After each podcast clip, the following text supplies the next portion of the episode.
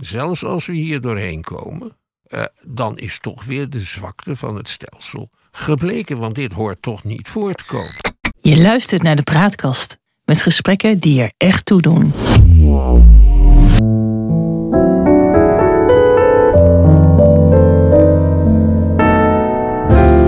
Welkom bij de Praatkast.nl. Dit is een aflevering van het Geheugenpaleis. Mijn naam is Jock en samen met Han van der Horst maken we deze podcast.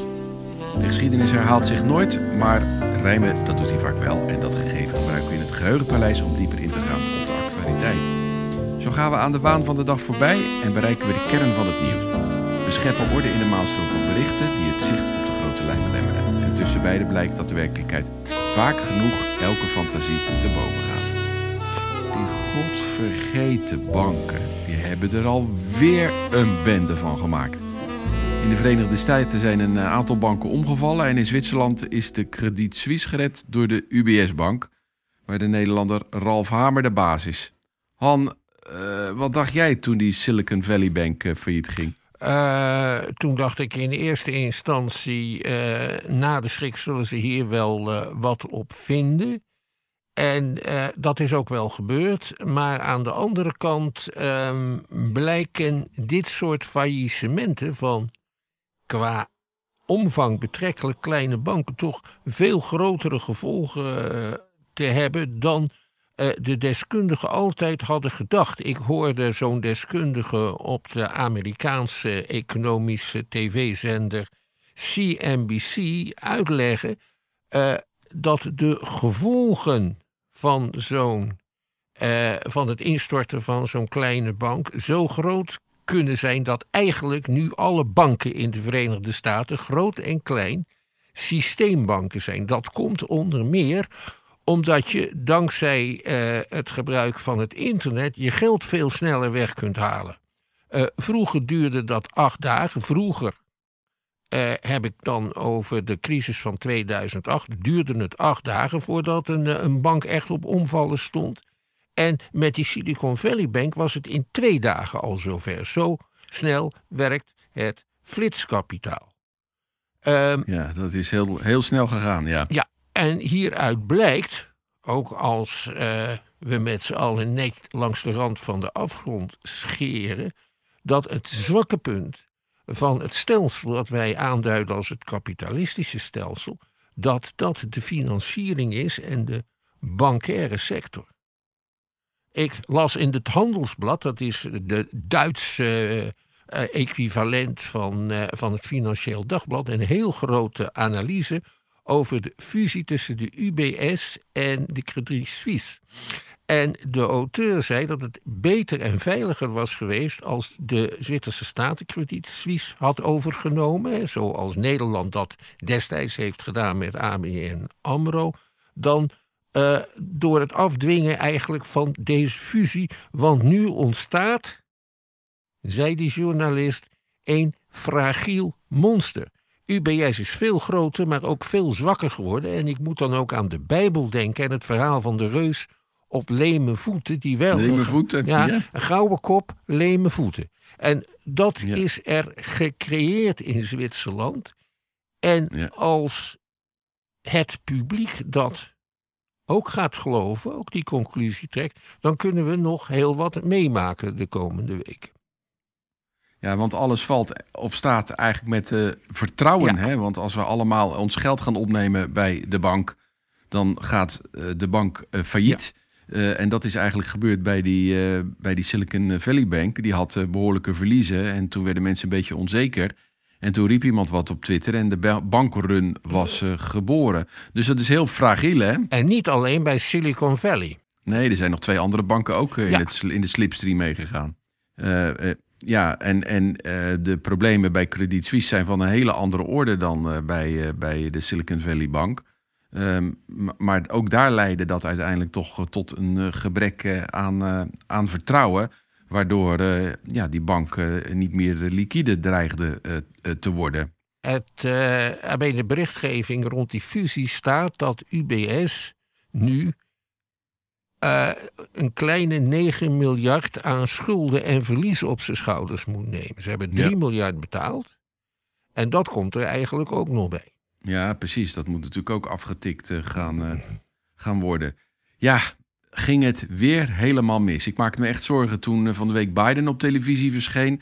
En zei tegen alle mensen in Amerika: Nee, uw spaargeld wat bij alle banken staat, eh, dat, eh, dat is, daar zorgen wij voor dat u het niet kwijtraakt. Als, als, als de, de, de, de toezichthouders of de belangrijke mensen gaan zeggen dat je je geen zorgen hoeft te maken, dan wordt het tijd om je zorgen te gaan maken. Er is al een sluipend proces gaande. En dat is onder meer door professor Boot in een uitzending van Buitenhof naar voren gebracht. Eh, een sluipend proces gaande dat banken eh, niet meer geld durven Ja. uit te lenen aan, eh, aan ondernemers. En het MKB is daarvan op het moment vooral het slachtoffer. En dat doet mij denken aan wat ik een keer heb meegemaakt op kerstavond van 2008. De twee, kerstavond 2008 toen was de kredietcrisis net gaande, zal maar zeggen. Hè? Ja. En ik ging met mijn broer, die in Amsterdam woont en die ik niet zo vaak zie, eten in een restaurant dat toch die avond open was in Vlaardingen.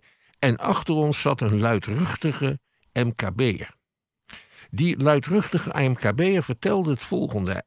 Begin november van elk jaar, dan eh, sloot hij een kortlopende lening af bij zijn bank. En dan deed hij inkopen voor de opruiming die direct na de feestdagen bij hem begon. En eh, daar maakte hij dan een behoorlijk winstje mee met die opruiming. En dan in februari betaalde hij dat krediet weer terug. Hij kon dat zelf, kon hij die investering niet doen uit zijn eigen reserve. En nu had hij van de bank dat geld niet gekregen. Dus kon hij ook niet verdienen. Ja, dat is in de essentie teruggebracht En- tot waar een bank voor is. Een ondernemer moet een investering doen die hij niet zelf kan betalen. De bank helpt hem daarbij. Daarvoor moet hij wel een vergoeding aan de bank betalen. Ja. Maar hij kan winst maken, kan producten innoveren, kan efficiëntie eh, aanbrengen, kan de concurrentie aangaan. Waardoor eigenlijk een soort economisch vliegwiel ontstaat. En op het moment dat de kredietverlening ophoudt, komt het hele vliegwiel tot stilstand. Ja, en dan heb je als maatschappij Ja. een recessie aan je broek. Ja, die, die extra regels die er tegenwoordig eh, zijn, die komen eigenlijk voort uit de kredietcrisis die nog ja, niet zo lang eh, achter ons ligt. Dat is de kredietcrisis van 2008, de bankencrisis van 2008. Wat ging er daar mis? Ja. In Amerika is toen op grote schaal eh, aan hypothekenverkoop gedaan aan mensen die de verplichtingen eigenlijk Ja. niet konden dragen. Maar dat maakte die verkopers niet uit, want die kregen per verkochte hypotheek een behoorlijke bonus. En dat is volkomen uit de hand gelopen. Daardoor is het hele bankaire systeem van de Verenigde Staten in het ongereden geraakt, omdat alles in elkaar grijpt tenslotte. En daarna ook het Europese en in iets mindere mate het Aziatische. Ja, wat er, gebe- wat er gebeurde als aanvulling. Dus die eh, hypotheken die werden verkocht aan mensen die dat eigenlijk niet konden betalen. Maar die hypotheken werden weer verzameld en die werden weer doorverkocht. Maar daarvan werd gedaan alsof het hele betrouwbare eh, eh, mensen waren die dat, die hypotheken aan, aan wie die hypotheken verstrekt was, zodat zij dat zouden kunnen terugbetalen. Wat ze niet erbij vertelden is dat die mensen dat eigenlijk niet konden, omdat die mensen niet kredietwaardig was. Maar van de buitenkant leken dat hele kredietwaardige krediet, eh, eh, hypothekenportefeuilles. En dat bleek Eh, niet zo te zijn. Ja. Nee, wat ze deden was een paar kredietwaardige hypotheken mengen tussen de rotzooi en dat Ja, doorverkopen aan, aan andere banken. Daar is die crisis uit ontstaan. Toen zijn er in Europa en de Verenigde Staten een heleboel regels opgesteld die banken dwongen zich niet meer met dit soort praktijken bezig te houden. Heel strenge regels. Eh, president Trump Ja, daar hebben we hem weer. hij, ja, hij heeft in de Verenigde Staten een groot aantal van die Ja. regels geschrapt. Nadat hij door een aantal bankenvriendjes was opgebeld.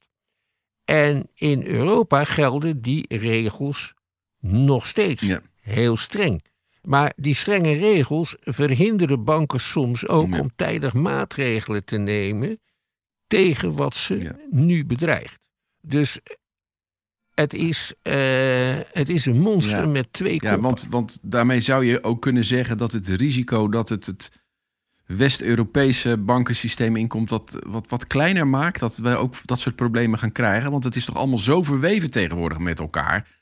Dat je nooit weet wie waar een bepaalde exposure, een, een risico op heeft dat er niet terugbetaald wordt. Uh, alles, alles, alles grijpt in elkaar. Dus je, dat, ik denk dat het. Ja, de, de, de regels misschien hier wel wat strikter zijn, maar door die verwevenheid het misschien toch niet helemaal zo risicoloos is. Uh, het kan ook een lang rottingsproces zijn. Het hoeft niet van de ene op de andere dag met een zwarte donderdag of een zwarte vrijdag te beginnen. Uh, en los daarvan, zelfs als we hier doorheen komen, en wie weet gebeurt dat ook gewoon, uh, dan is toch weer de zwakte van het stelsel gebleken, want dit hoort Nee. toch niet voortkomen. Elke keer gaat het weer, mis. En ik, ik vind zelf dat dat vooral gelegen ligt in een hele fundamentele onevenwichtigheid die er in dat kapitalistische systeem zit. En met name dan zeg maar in het financiële systeem daarvan. Dat is namelijk dat als een bank winst maakt, dan gaat het naar de aandeelhouders en de managers. Bonussen van 800, 1000 euro zijn eh, daar aan de orde van de dag bij de topmensen. En nog grotere bedragen zelfs, tot tientallen miljoenen toe.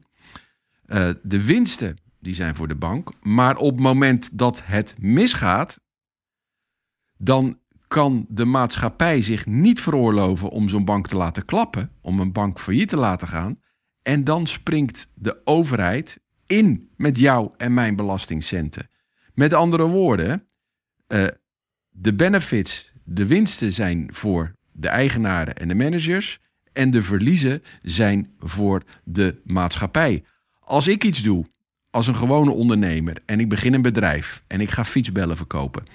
En als dat goed gaat, dan kan ik daar veel geld mee verdienen. Maar als het niet goed gaat, dan ben ik ook mijn geld kwijt. En dat is nou precies de onevenwichtigheid die erin zit. Dat als het misgaat met een bank, de bankbazen, de bankaandeelhouders, nou ja, die in wat mindere mate, die, eh, eh, ja, die zitten niet op de blaren. Die worden uiteindelijk weer gered. Noem het maar chantage. Noem Ja, het gewoon in, in, de, in de financiële economie heet Want- dat dan de moral hazards. eh, De onevenwichtigheid die daarin zit. Ja, het is een vorm van, van, van chantage. En weet je, de, de autowegen die we hier in Nederland hebben... dat is trouwens ook niet overal op de wereld zo... die zijn van ons allemaal. Dat is infrastructuur. En een aantal zaken die zo belangrijk zijn... daarvan hebben we allerlei maatregelen genomen als maatschappij... om ervoor te zorgen dat dat kan blijven bestaan. Ik heb het bijvoorbeeld ook over het stroomnet. Ik heb het over het eh, net van de, van de spoorwegen... dat gescheiden is van de treinen die erover rijden... Ehm, maar met banken doen we dat niet. Dat laten we geheel en al aan de markt over. En dat proberen we dan met regulering ja, een beetje in de greep te houden. En aan de andere kant zijn er, om met Wim Kok te spreken, exhibitionistische zelfverrijkingen van de mensen die met die banken te maken hebben. Eh, maar zou jij die de banken dan willen nationaliseren? Nou ja, dat, dat is natuurlijk altijd een hele gemakkelijke eh, ehm, manier en ook een populistische manier. Dat is in deze tijd natuurlijk eh, heel populair om dat op die manier dan te bekijken. Ja, linksom wer- werkt het niet, dus we moeten het maar op een andere manier doen. We moeten het maar nationaliseren. Aan het nationaliseren van bedrijven en banken dus kleven natuurlijk ook nadelen aan. In de zin van dat ze niet innovatief zijn, dat ze niet efficiënt zijn, dat er luiigheid in komt. Dat je ook kan afvragen, want daar zit een andere kant aan. Ja, ben je nog wel bereid genoeg om eh, concurrerend genoeg te worden? Weet je, dus er zitten wat dat betreft ook allerlei nadelen aan het privatiseren van die banken. Ja, en toch aan de andere kant is er in de praktijk een hele nauwe interactie al heel lang tussen de overheid en bepaalde bankiers. En banken, dat zie je in de 19e eeuw al. Vertel. Hoe bijvoorbeeld de regering van Oostenrijk-Hongarije Ja. nauw verbonden was met de banken van één tak van de familie Rothschild. Mhm. En de Franse regering weer met een andere tak, terwijl het hoofdkantoor in Londen zat. En heel veel zaken zijn met geld van de Rothschilds gefinancierd. Een heel grote bank in Oostenrijk, waar we het straks nog over gaan hebben, de Kredietanstalt, Mm. die is in 1851 of 1855 of zo opgericht met één garantie van de Oostenrijkse staat. Maar het was wel een particulier bedrijf. Bismarck, die had De Duitse kanselier voor de, de Eerste Ja. Wereldoorlog. Ja, Ja. Die, de veren, die, de kans, die Duitsland verenigd heeft, die deed dat in nauwe samenwerking met een soort huisbankier die Bleicheröder heet. Ja. En die misschien wel net zo belangrijk was als die kanselier. Dus je vindt eh, ja, een, een soort geweldige interactie tussen de staat en grote bankiers. Ja. En vaak is de minister ook een beetje familie enzovoorts. Dus zo verschrikkelijk particulier bedrijfsleven en vrije concurrentie is het allemaal. Nee, maar er is, natuurlijk één, er is natuurlijk één verschil. Dat er misschien wel een verwevenheid was tussen de staat en die grootbanken. Met dienstverstanden dat de winsten bij de eigenaren van de grootbanken eh, terecht eh, kwam. En dat is natuurlijk toch wel fundamenteel anders met de situatie waarin je iets, zeg maar, nationaliseert. En eigendom maakt van de staat. Ja, nee, inderdaad. Ja. En dan eh, krijgt de belastingbetaler de lasten en de lusten. Nu alleen de lasten, dat is duidelijk. Ja, Hè, dus de vraag is, als we die banken nationaliseren, hoeveel blijft er dan over van die lusten? ja, Hè, en nou is het wel een, eh, een, het is een stelling hè, dat eh, wat jij net vertelt, dat als een bedrijf in handen van de staat komt, wordt het lui en traag en langzaam. En er zijn ook wat banken betreft, is daar ook een voorbeeld van. Eh, dat is India. Daar waren de banken genationaliseerd na de onafhankelijkheid. En die zijn in de jaren tachtig gedenationaliseerd. En voor die tijd was er, zat er weinig groei in de Indiase economie. En daarna is het enorm gaan groeien en steeds belangrijker geworden. Hè. Wij zijn op het moment wat onze medicijnen betreft... voor totaal afhankelijk van Indiase productie. En dat was voor die tijd nooit gelukt met die trage bank. ja. Dus eh, dat aan de andere kant heeft Nederland al sinds de jaren 80 van de vorige eeuw voor het grote publiek van de vorige eeuw, van de 19e eeuw, een bank gehad voor het grote publiek. Dat was de Rijkspostpaarbank, waar later de Giro is uit voortgekomen. Ja. En verschillende gemeentes die hadden hun eigen Girodiensten. Bijvoorbeeld die van Amsterdam. Mijn Gironummer bij het Amsterdamse gemeente Giro was H3420, dat weet ik nog. en je kon de Giroformuliertjes, die kon je in brievenbusjes stoppen, die hingen aan de trams. ja, ja. En bij elke kruidenier, nee niet elke sigarenwinkel, kon je geld wisselen. Prima systeem. En dat waren staatsondernemingen. ja. Giro Blauw pas bij 19 jou, eh, was het in de met- jaren. Ja, Ja, met John Cleese. ja.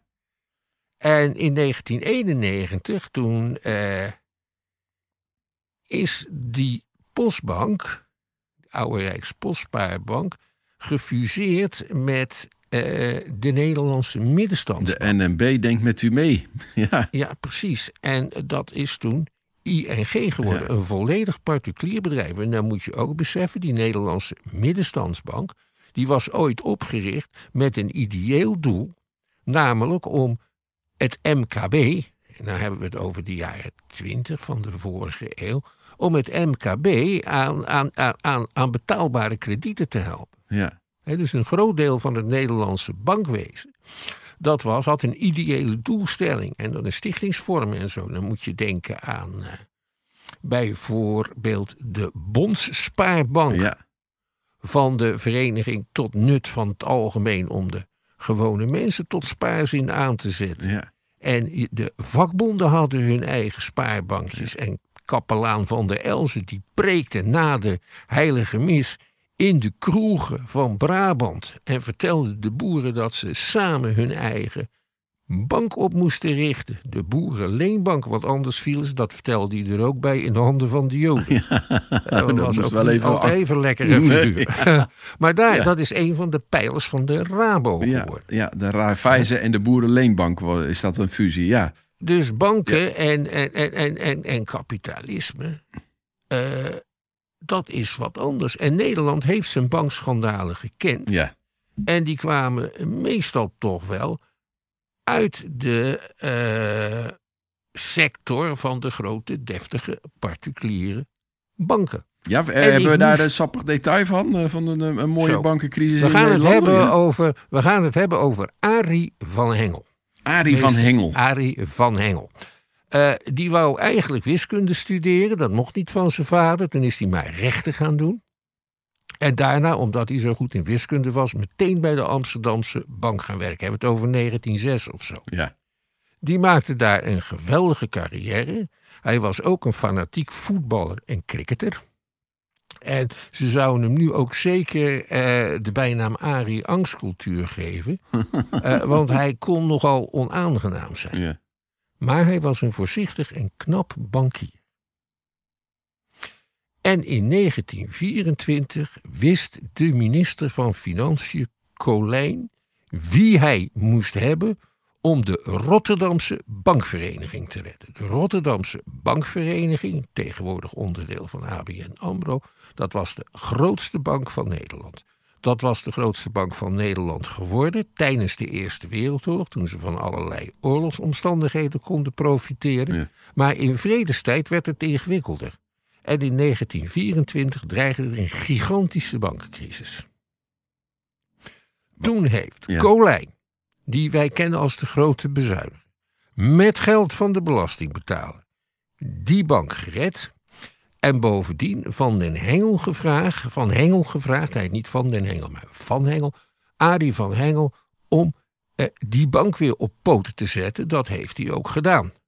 En dan moest hij ook vervelende dingen doen met meneer Kruller. De, Van de Krullenmullen Museum, maar de grote man, Ja, grote industrieel uit Rotterdam natuurlijk. hè. Ja, precies. En die, eh, de- aan hem had die bank nogal wat geleend. Oh. Ook voor de kunstwerken. Ja, ja.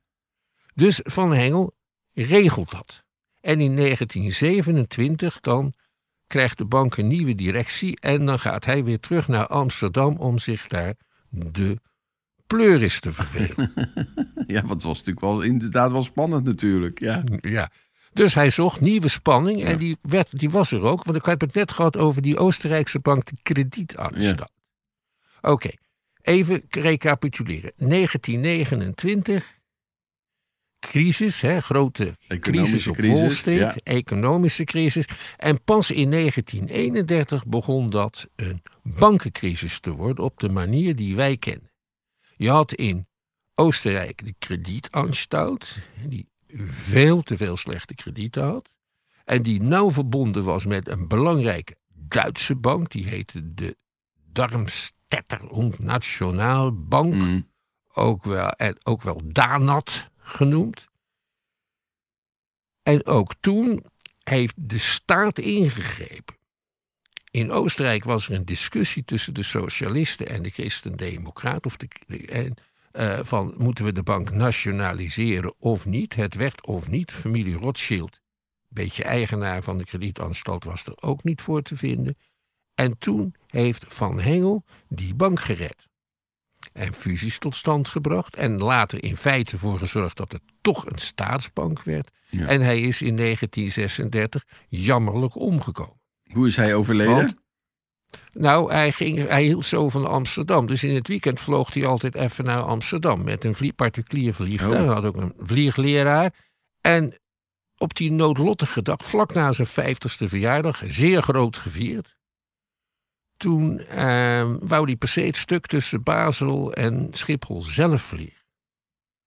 Kippig als hij was.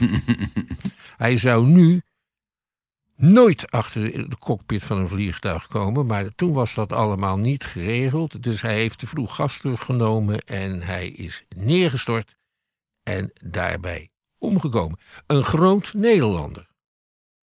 Hij heeft niet alleen Nederland gered economisch, maar ook Oostenrijk. Ook al was het niet zo'n lekkere jongen om mee om te gaan. Hij, hij, had ook een, op hij had ook een hele jonge vrouw getrouwd en zo. Dus hij hield ook wel van het goede leven. Ja, maar ik begrijp ook dat, dat zeg maar, die Nederlandse bankencrisis dan in 1927 ook de basis is geweest voor allerlei wetgeving, zoals het depositogarantiestelsel, Ja. strengere regelgevingen en misschien zelfs al aan het ontstaan van de Nederlandse banken. Nee, maar die bestond al veel eerder. Er was een bankenwet in 1919 goedgekeurd in de euforie van de vrede, waarbij de banken in feite vrij spel kregen. Nou, en toen zag je wat er gebeurde. Dat ging meteen heel erg fout. Ja, elke Zoals het elke keer gaat het fout. Dus in de jaren 30 ging het met de Nederlandse banken niet fout. En ze nemen een Nederlandse bankier om het Duitse, en het Oostenrijkse en dus het Duitse bankenstelsel te redden. En in 2008 was dat wel anders. Dat is de volgende grote bankencrisis. En die komt een jaar of nog geen twintig jaar nadat al die reguleringen waren ingetrokken. Ja. Waarom waren ze ingetrokken? Vanwege het slechte geheugen van de politiek. Dus wat je eigenlijk ziet voor patroon is: er komt iets op, het loopt uit de hand, er komen strengere regels. We laten in de loop van de tijd die regels weer wat los, want ach, het gaat toch goed. En vervolgens stappen we in een andere valkuil. Ja, En dan komen er weer regels. En zo gaat dat maar door en door. ja. De constante is dat wij een, als kapitalisten een reus of leme voeten zijn. Besef wel dat wat er nu gebeurt ongeveer samenhangt bijvoorbeeld met een bezoek van Xi Jinping aan, eh, aan Poetin. Ja, dat we te maken hebben met een gigantische oorlog. Die wij in feite moeten betalen, omdat de Oekraïners het zelf niet kunnen. ja. Maar wat wil je daarmee zeggen? Eh, eh, nou, dat de situatie, dat heet volatiel, toch? ja, ja, dat het, dat het Ja. precies. Dat, het, dat er heel veel bijzondere dingen in de wereld Er zijn. zijn een ja. heleboel, en ook een heleboel raar. Er is, komt, Ja. is, er is weer een zeer kritisch, zeer somber klimaatrapport uitgekomen. Ja. Als we naar Nederland zelf kijken, Nederland zit op slot. Ja. Een groot aantal maatregelen kunnen niet genomen worden, ook al zouden we het willen. Omdat we er de mensen niet voor hebben, of omdat het niet mag eh, van de wet, of omdat er met geen mogelijkheid een degelijke meerderheid over te vinden is in de politiek. Ja. Dus er zijn een aantal dingen aan de hand. Noemen ze een perfect storm wel eens een ja, al die En dingen we moeten dus oppassen dat het dat niet wordt. Al die dingen die komen nu weer, eh, weer samen. Wat staat, ons, eh, en wat staat de maatschappij nu te doen ten aanzien van die bankencrisis? Ik denk gewoon weer meer regels. Ik denk aandelen. Eh, dus die bank, je kunt banken nationaliseren, maar je kan ook 100% van de aandelen nemen. Ja, dat is dan in feite, zit er een eh, soort eh, tussenstap tussen. Ja, En eh, waarom, ja precies, en waarom zou, zou de, de nationale overheid de enige zijn die dat doet? nou ja, dat gebeurt natuurlijk met de ABN AMRO... die toen de, de, de VSB-bank bijna... VSB was dat volgens mij toch? eh, eh, eh, Ja. failliet ging, werd de ABN AMRO gekocht door de Nederlandse staat... doordat ze heel veel aandelen uitgaven. Ja, Maar zouden provincies en zo bijvoorbeeld niet ook eh, mee kunnen Ja. doen? Belangrijke, belangrijke havensteden. Ik kan me voorstellen dat Rotterdam zegt: ik wil een behoorlijk aandeel hebben in bepaalde Ja. banken. Want dat is wezenlijk voor onze positie als havenstad. Waar het geld vandaan haalt, weet ik niet. Maar dat is, hè, maar dat bijvoorbeeld die miljarden, die tientallen miljarden, die verdiend zijn aan de uitverkoop van de energiemaatschappijen. Wat ook heel dom was Ja. over. Ja, dat, ja, ja. Wat betekent dat jij en ik nu bezig zijn Mitsubishi rijk te maken in Ja. Japan. Met onze eh, contracten Ja. bij Eneco, want dat is de hoofdaandeelhouder. precies. Ja, dat zijn de nadelen van het hele kapitalistische systeem eh, eh, natuurlijk. Dat dit soort dingen op die manier gaan. Maar jij... maar noem je, Ja. is, dat nou, is dat nou zo kapitalistisch? Dat een dergelijke invloed wordt uitgeoefend door drie of vier bedrijven in één land? Nou, dat, is, dat noem je of een, misschien tien in de Verenigde een Staten. oligarchie, eh, noem je dat eh, natuurlijk. Hè? En dat is Ja. eigenlijk ook een, Ja. een, een, als je het puur vanuit het liberalisme bekijkt, natuurlijk iets wat, waarvan het liberalisme ook zegt, ja, daar moet je op ingrijpen, dat niemand een overwegende marktmacht krijgt. En dat is hier, daar is hier toch sprake je weet, van. Je, eh, je weet wat, wat mijn grote liberale held Willem Treup daarover Ah, daar zei, hebben we? Willem Treup weer. Treup weer. Die zei, als een bedrijf een overheersende marktmacht krijgt en je kunt daar niks tegen doen, je kunt daar niks tegen doen, dan moet zo'n bedrijf in gemeenschapshanden Ja. komen. Ja, dat is dan misschien toch een beetje een pleidooi voor een, eh, voor een eh, nationalisering van die bank. eh, ja, Ja, Het is ook een mooi uitgangspunt. Want? Als er geen goede concurrentie bestaat, dan in gemeenschap. En ook als, en als die goede concurrentie niet georganiseerd kan worden. Het is een interessante gedachte, maar ik kan je voorspellen dat het niet gaat gebeuren. Met name omdat uh, in Amerika, wat toch de leidende financiële natie is, dat heel anders in elkaar zit en we uiteindelijk daaraan uh, onderworpen uh, gaan, gaan worden.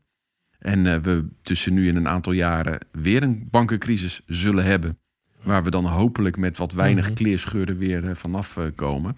Voorlopig lijkt deze crisis ja, zich niet heel ernstig, uh, uh, uh, hoe zeg je dat, eh, uit te breiden. Maar dat kan ook wel eens een sluimerende veenbrand eh, worden. Dat zullen we de komende maanden gaan, eh, gaan zien. We moeten het hierbij laten, deze aflevering van het Geheugenpaleis. We maken dit in samenwerking met de Praatkast. En de uitzendingen zijn te vinden op www.praatkast.nl. Abonneer je op onze podcast in je favoriete podcast-app. En dan krijg je automatisch een bericht wanneer een nieuwe aflevering online komt. Vertel je vrienden over ons en laat vooral ook een beoordeling achter. Dan worden we nog beter gevonden. En wil je ons mailen, stuur een bericht aan info.praatkast.nl Voor nu bedankt voor het luisteren en tot de volgende keer. Wees gelukkig, blijf gezond.